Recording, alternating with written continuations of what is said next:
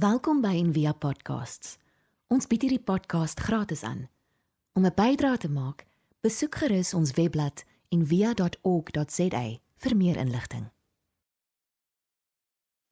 In die ehm um, lentboekies wat meeste van julle het, is ons in in week 3 waar die tema is woorde in die wildernis.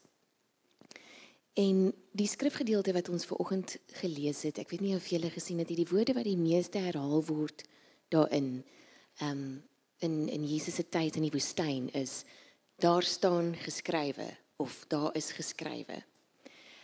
Ehm um, en ek ek wil vanoggend vir jou vra wat uh, wat wat se gevoelens of of gedagtes of gewaarwordinge word in jou wakker gemaak as jy hierdie woorde hoor? Daar staan geskrywe. Of daar is geskryf.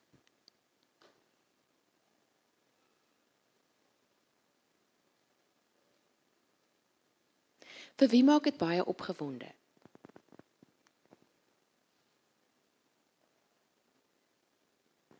Ons het een, ons het twee opgewonde lidmate, ons het drie opgewonde lidmate. Is daar dalk nog lidmate wat wil erken? Hier's 'n paar wat opgewonde raak. Ehm um, en die wat nie hulle hande opsteek nie, wat wat is die wat is die die grootste emosie wat dit in jou wakker maak? Indien enige.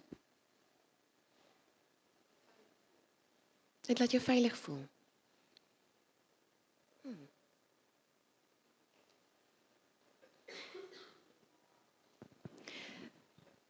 Vir wie van julle laat dit kreatief voel? Ek bedoel nie wil wil 'n prentjie gaan teken nie. Ek bedoel um uh lewegewend. Vir wie vir wie is dit lewegewend? Hierdie woorde. Hmm.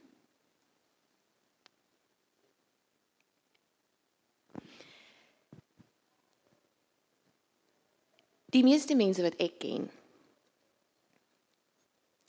sien hierdie woorde of dan die woord as 'n hindernis op hulle weg na God in plaas van die weg.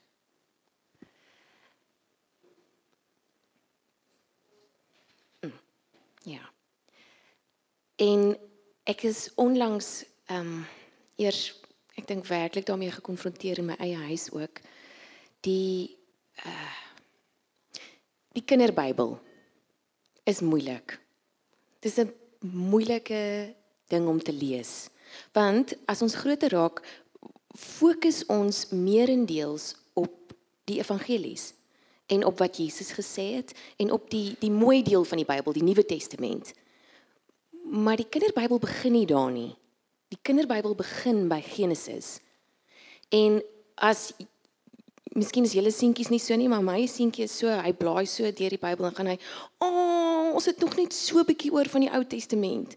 Dan sit visse en broodjies en boring goeters. I like die fights.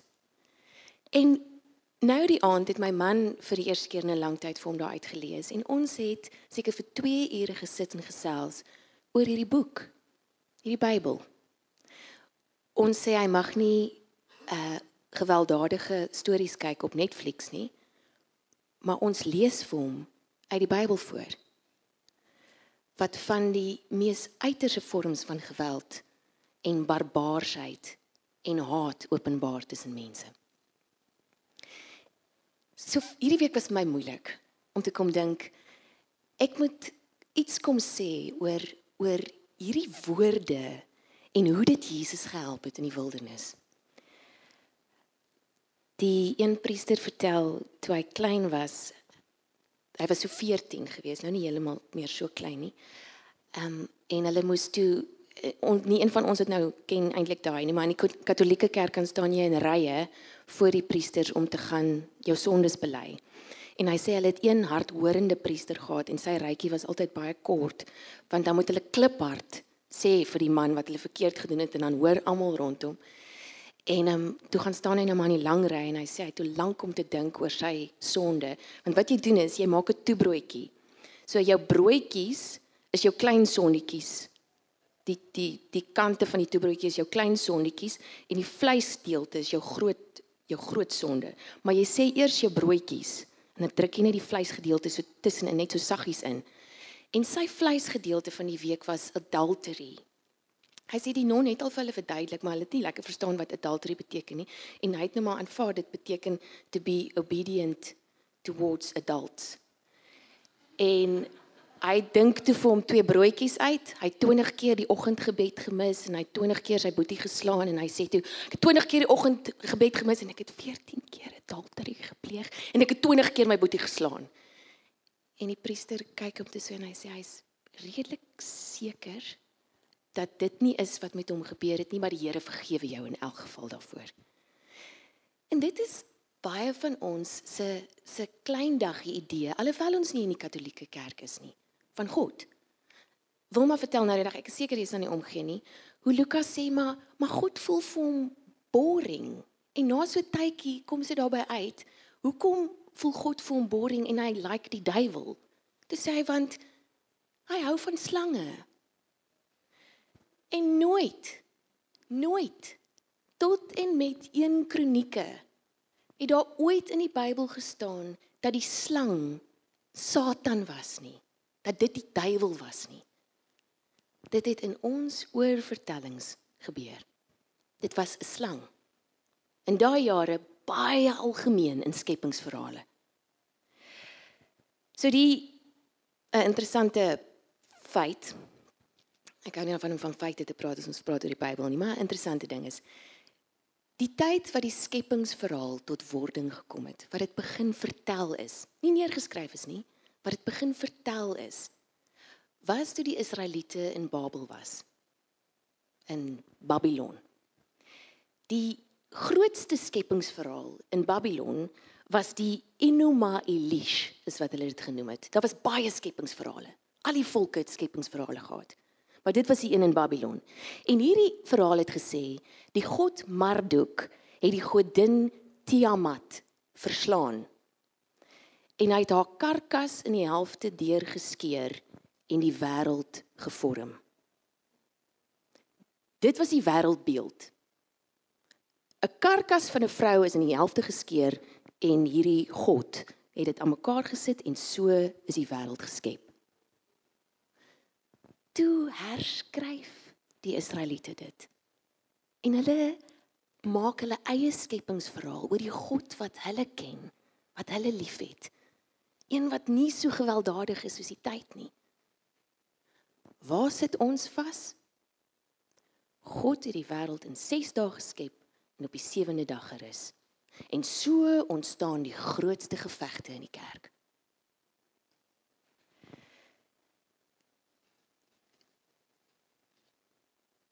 Frederik Beckner skryf hierdie woorde in ehm um, hierdie boekie van hom. Ek gaan so 'n paar boeke deur die loop van die van die tyd net ag, net soveel wys. Die boekie se naam is Telling the Truth: The Gospel as Tragedy, Comedy and Fairy Tale. En hierdie boek van my is sif geonderstreep. Ehm um, so dit is ook 'n groot hulpbron gewees in in in my nadenke oor die woord. Hy sê you can kiss your family and friends goodbye and put miles between you. But at the same time you carry them with you in your heart your mind, your stomach. Because you do not just live in a world, but a world lives in you. Die Bybel is geskryf deur regte mense in 'n regte tyd op 'n regte plek. Geskryf deur mense En op een plek staan daar die Bybel is God geïnspireerd. God breathed into the word. Later, dis wat Paulus skryf. Wat sê Genesis 2? Van my en jou.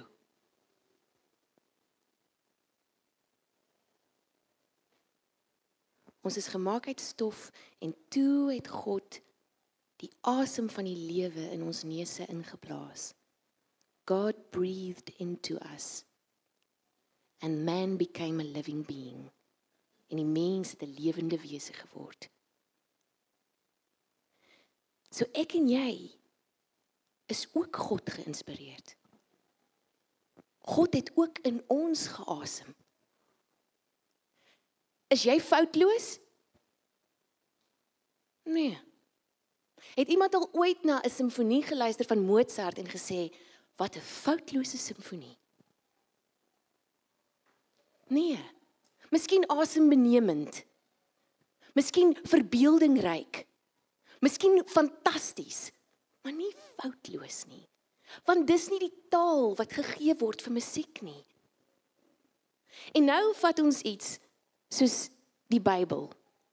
Vol gedigte. Vol verhale. Vol mites. Vol gesange. Vol oorvertellings. Vol vertalings van ware gebeure. En ons vat 'n eenvoudige kriteria om te sê die Bybel is foutloos of die Bybel is perfek. En daarom sal ek die Bybel glo of daarom sal ek nie die Bybel glo nie.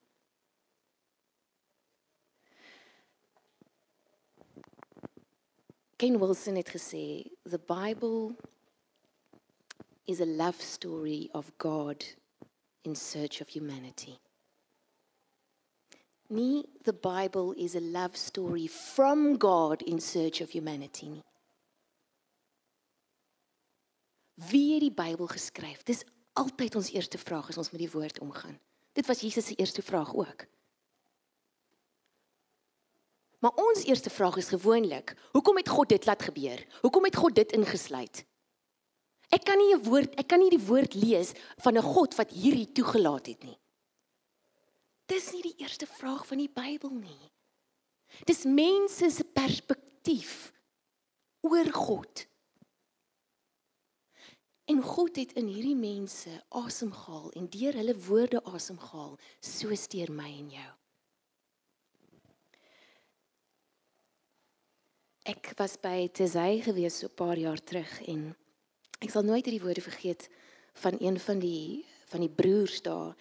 Ons het gepraat oor die oor die woord en uh oor evolusie en alles tussenin. En hy sê toe sou ons regtig kon glo in 'n God wat vir so lank soos wat dit die Bybelse mense gevat het om te leef in 'n God wat wou stil bly vir so lank net omdat mense nie wou bykom nie. Nee. Die hele woord is vol van kere wat dan sien jy wet op wet op wet op wet. Dan sien jy, ah. Hier kom God hier. Hier's 'n totale nuwe oomblik in 'n mensheid wat geglo het in gode wat net na hulle luister as hulle offers bring. In 'n mensdom wat geglo het dat jy die gode moet gelukkig hou. In mensdom wat geglo het dat jy moet offers bring aan 'n God. En nou lees ons die storie van 'n God wat 'n man vra om sy seun te gaan offer op 'n berg. En hoe lees ons dit? Ek kan nie glo in so 'n God nie. Wat is die vraag? Hoekom is hierdie geskryf? Hoekom het iemand gedink 'n God wat hy aanbid, wou gehad het hy moet sy seun offer? Nie hoekom wou God hê hy moet sy seun offer nie. En dan is daar so 'n klein speekie. Dan sien ons en Abraham sê God sal voorsien. 'n Eerste in die hele woord. Want God voorsien nie, jy voorsien. Jy voorsien die offer. En Abraham sê God sal voorsien. En daar gebeur iets magies. God voorsien. Maar ons kyk vas. En ek het daai storie sommer net oorgeslaan nou die aand. Ek kon nie hierdie goed vir my seun verduidelik nie. Want hy gaan ook nie verstaan hoe 'n liefdevolle God van 'n pappa gaan vra om sy seun te offer nie. Dis nie wat daar aangaan nie. God kon nie wag en hy kan nog steeds nie wag vir ons om die volle prentjie te sien voor hy homself openbaar nie. Hy's deel van die woord. Hy's by mense, stikkende, gebroke, foutiewe mense terwyl hulle sy perspektief, hulle perspektief op sy perspektief oordra.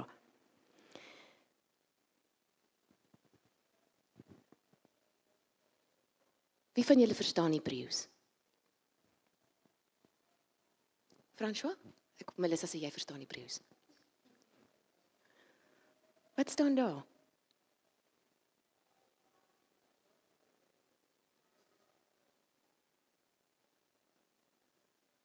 Ja, daar staan Jesus.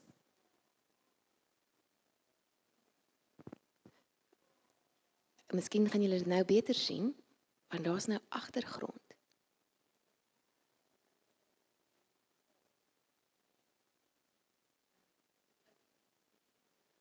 Nog so tydjie?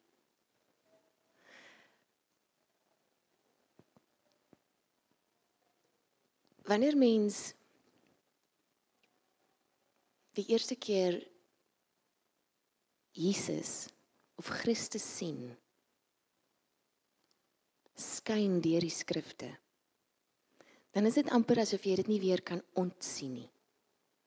Wanneer jy die eerste keer Jesus of Christus proe agter die skrifte dan is dit asof jy dit nie kan ontproe nie. En tog was dit die grootste ding waaroor Jesus uitgevaar het deur sy hele lewe teenoor mense. Hy het gesê, "Julle ondersoek die skrifte omdat julle meen dat julle daarin die ewige lewe het, en dit is die wat van my getuig. Maar julle wil nie na my kom om die lewe te hê nie." You have your heads in your Bibles constantly because you think you'll find eternal life there. But you miss the forest for the trees. These scriptures are all about me. And here I am, standing right before you. And you aren't willing to receive from me the life you say you want. In Handelinge 10 kry Petrus 'n visioen. 'n Laken kom af na hom toe en daar staan 'n klomp vierpotige diere en ander dinge. En hy hoor 'n stem vir hom sê: "Eet." En hy sê vir God, hy kan dit nie eet hier, dis alles onrein. En God sê, eet. Wat ook al ek rein verklaar, is rein. En 'n derde keer gebeur dit. En Petrus word wakker. Asof hy nie al genoeg gehad het van derde kere wat goeters met hom gebeur in die verlede nie. En hy word wakker en daar's 'n klop aan sy deur en iemand nooi hom na Kornelius, die hoofman van die Romeine. En die Romeine vir hierdie Jode is onrein. En vir die eerste keer weet hy wat hierdie droom beteken. En tog is dit asof God hom verhinder om God te hoor. Asof die God wat hy dink in die geskrifte is, hom verhinder om die ware God se stem te hoor. Soos wat Meester Eckhart gesê het, God rid me of God. Dis die eerste vraag, dis die eerste gebed wat ons moet bid voor ons die Bybel optel. God rid me of God. Maar dis hartseer. Dat dit lyk asof in hierdie wêreld as ons die Bybel en Christus self langs mekaar gaan sit, dan gaan die meeste mense dalk eerder die Bybel kies.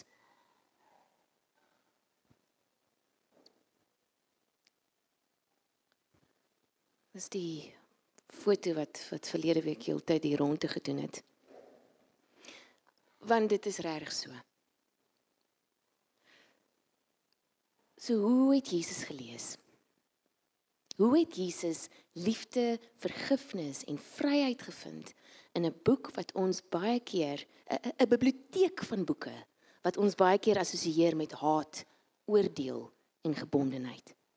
Hoe het dit deel van sy bestand, sy sy behoud, sy belewenis geword in die wildernis?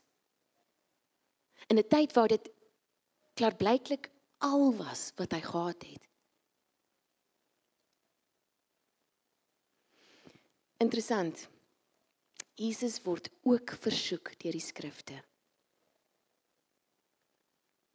Die duiwel haal die skrifte aan spesifiek Psalm 91 11 tot 12 om Jesus uit te nooi om mag, eer en rykdom te verkry.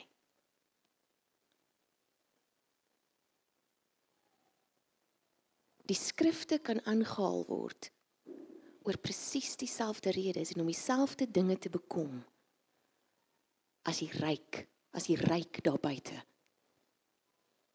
As alles waarteen Jesus ons gewaarsku het. Tot en met 1891 is slawerny verdedig vanuit die Bybel. Genesis 21, Eksodus 20 en selfs Efesiërs 6. Die vervolging van die Jode is regverdig uit die woord. Uit Matteus 2 vers 7 wat sê his blood be on us and our children. Asof die Romeine se aandeel in Jesus se dood heeltemal by die deur uitgeskuif is. In die reformatie is protestante verbrand deur hierdie skrif. Johannes 15 vers 6. Een een een van my gunstelinge. As iemand in my nie bly nie, word hy uitgewerp soos die lood en verdroog en hulle maak dit bymekaar en gooi dit in die vuur en dit verbrand. Daai teks is gebruik om mense op die brandstapels te verbrand. Vroue en seksualiteit vol van skrifte.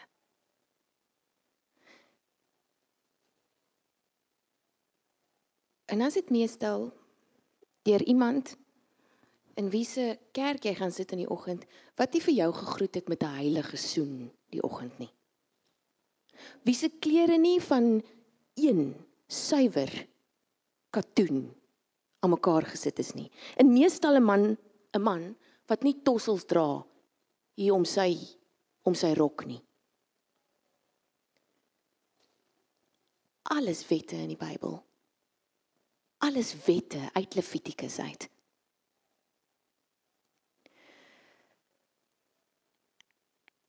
Ek wil drie goed noem ter afsluiting. Omdat ek glo Jesus nie net vir ons lering gegee het as 'n rabbi oor die skrif nie.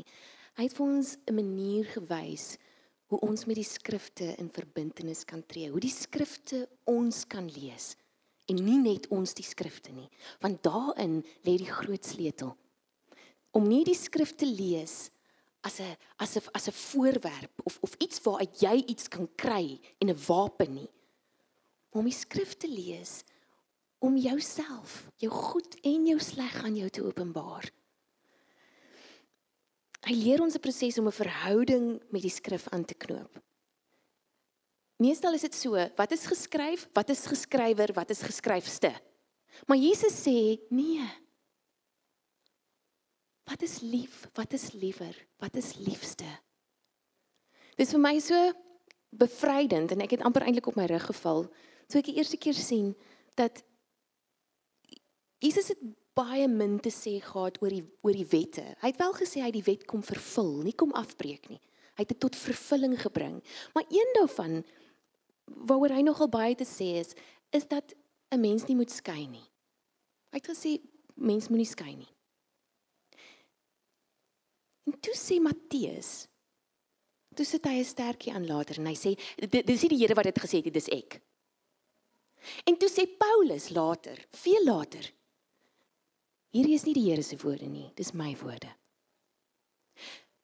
So asof hulle wou gesê het, nie eers Christus se woorde is die belangrikste ding in ons lewe nie, maar sy gees van liefde. En hy het aan die einde gesê en julle sal al hierdie dinge doen en meer. Dit is altyd die eerste lens waardeur ons die woord bekyk, die gees van liefde. Ek dink Jesus het gelees met 'n lens van interpretasie. Daar was nie 'n Bybel nie, daar was 'n perkamentrol. Een ou het die woord gelees en almal het rondom hom gesit en almal het vrae gevra. Die dis nie soos by ons nie. Die ou wat die meeste vrae gevra het, het gewen. Nie die ou wat die meeste antwoorde het nie. Mense het dit deel van hulle wese gemaak. Mense het vanuit elkeen se eie huishouding die skrif van alle kante af bekyk. Jode sê 70 keer you turn the gem. Jy draai die juweel oor en oor en oor en oor. Want die skrif is vol laagies.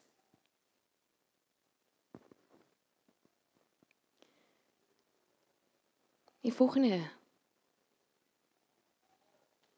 sleutel waaruit Jesus die skrif bekyk het, was inkarnasie. Hy het nie net gevra hoe lees jy nie.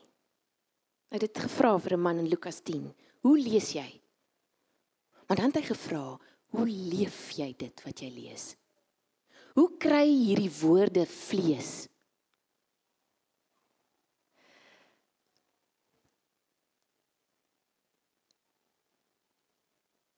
As ons na die woord kyk en ons sien net die geweld, ons sien die verdeling, ons sien wat is rein en onrein. Dan sou die die tweede beste vraag behalwe vir waar staan dit geskryf altyd wees wat het Jesus gesê oor Wat het Jesus gesê oor geweld? Hy het geweldloos gaan hang tussen gewelddadiges. Hoe reflekteer sy dade wat hy gevoel het oor oor oor verdeling? Hy skaar homself by die melaatses, die vroue, die samaritane, die tollenaars. Hoe het hy gevoel oor reinheid en onreinheid? Dieselfde goeters waaroor ons die Ou Testament so afdruk, so oud maak. Hy vat aan mense. Hy soen mense. Hy beweeg tussen die mense. Hy sê selfs die grootste, vroomste fariseer wat dink hulle het beheer oor hierdie woord is nie beter as hierdie Sidoniet nie. Die onreinste van al die mense. En dan die laaste ding wat ek dink hy hy hy hy verstaan dit en hy ons na toe uitnooi is dat hierdie woord 'n uitnodiging moet wees. Dis my baie vreemd. Die Engels sê invitation en die Afrikaans sê uitnodiging. Dis asof hulle geweet het ons Afrikaners is so so bietjie in ons doppe en ons moet uitgenooi word waar die Engelse mense en die Amerikaners is so hulle moet ingenooi word. Dit it should be an invitation. Dit is 'n uitnodiging. En ons word uitgenooi om te improviseer. En hierdie woord is vir my so beautiful, want mense dink improviseer gaan daaroor dat ag jy doen maar net wat jy wil. 'n Werklike goeie jazzmusikant kan net improviseer omdat hy so hard geoefen het. Die woord sê dit provi to make provision for. Daar is reeds vir jou voorsien. Jy het reeds die voorbereiding getref. Nou kan jy improviseer. En dis wat Jesus vir ons vra. En dis hoe ek glo hy deur die wildernis gekom het. Hy het nie net geskree daar is geskrywe nie. Hy het gesê daar is ook geskrywe. En hy het die woord van alle kante af bekyk. En vir ons gesê, gaan doen julle nou dieselfde. Gaan dans met hierdie woorde en onthou altyd die konteks is liefde. Dit is die lens waardeur jy hierdie woorde bekyk. En as dit nie vir jou sê dat God jou liefhet nie, dan moet jy hom dieper bekyk. En dan moet jy hom van 'n ander kant af bekyk. En daar's nog 68 ander kante. Beteken dit ons elkeen moet nou in 'n 'n Joodse skool gaan sit nie? Ons het seker nie tyd daarvoor nie. Is dit vir jou 'n uitnodiging? om nie net Sondag na Sondag hier te sit en te luister na iemand in hierdie geval hierdie iemand wat net soveel kennis soos jy het en nie eers Grieks en Romeins of wat leer julle Hebreëus Hebreëus Grieks en Hebreëus gestudeer het nie. Nee. Ons word uitgenooi om onder die vel van die woord te kom.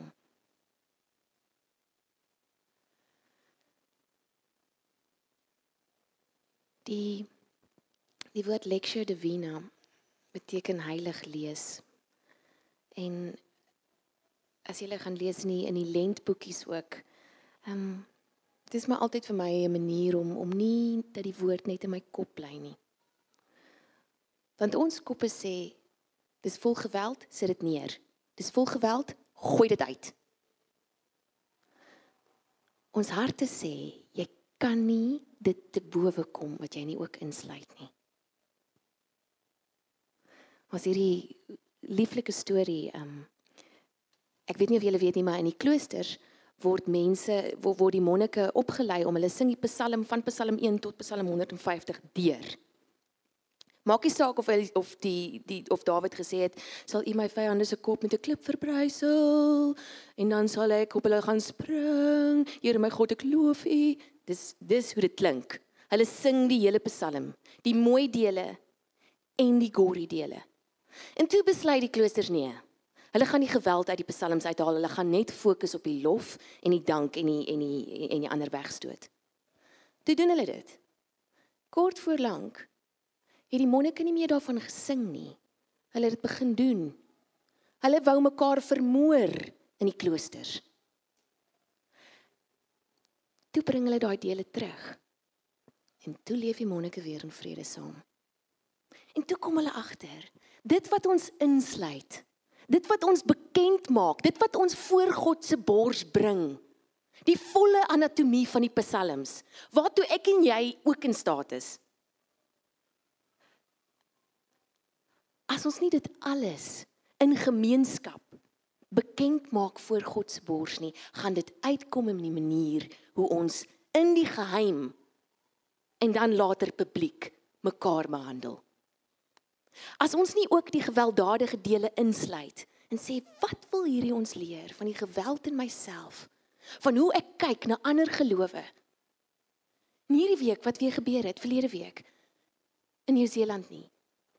Wat wil dit my leer? Dan gaan ek dit ook nie te bowe kom nie. En dit is wat Lectio Divina doen. Ons begin lees met die hart. En die hart begin leer die verstand. Ek wil julle uitnooi om dalk net een stukkie skrif hierdie week so te gaan lees. Nie wat beteken dit? Waar is my konkordansie? Wat wat beteken dit? Wat wat het daar gestaan nie? Om dit te gaan lees en om die die Hebreëse woord is haga om te mediteer daarop en dit beteken letterlik om te herkou soos 'n koei oor en oor en oor. Een skrif.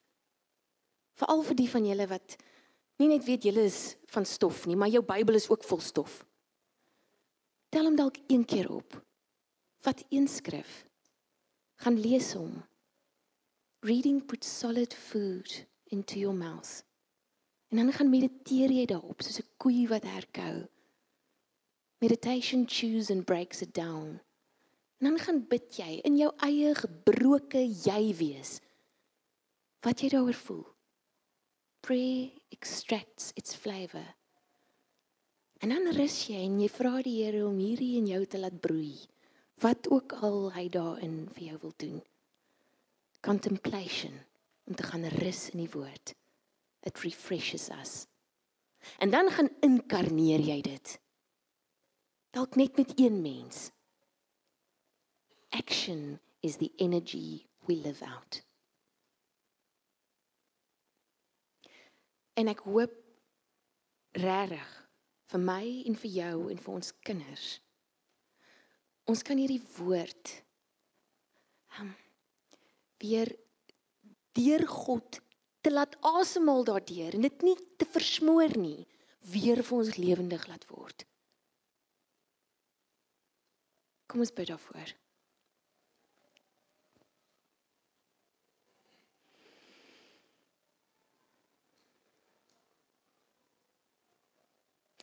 Here baie dankie dat die vertalers 'n fout gemaak het toe hulle gesê het iets geskryf wees perfek.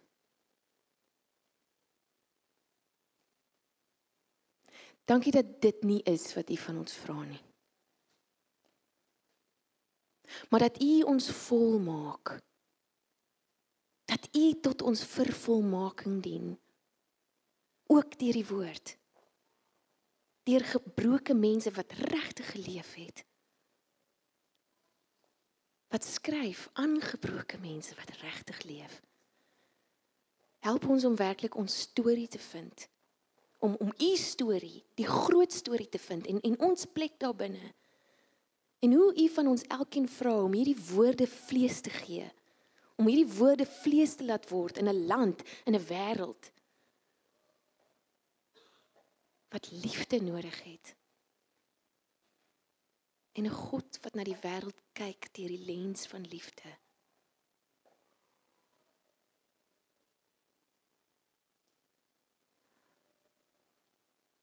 Baie dankie dat dat U kies om in mense en deur mense te praat en te leef. Dat ons nou U adres is. Amen. Ons hoop van harte jy het hierdie podcast geniet of raadsaam gevind. Besoek gerus en via.ok.za vir meer inligting.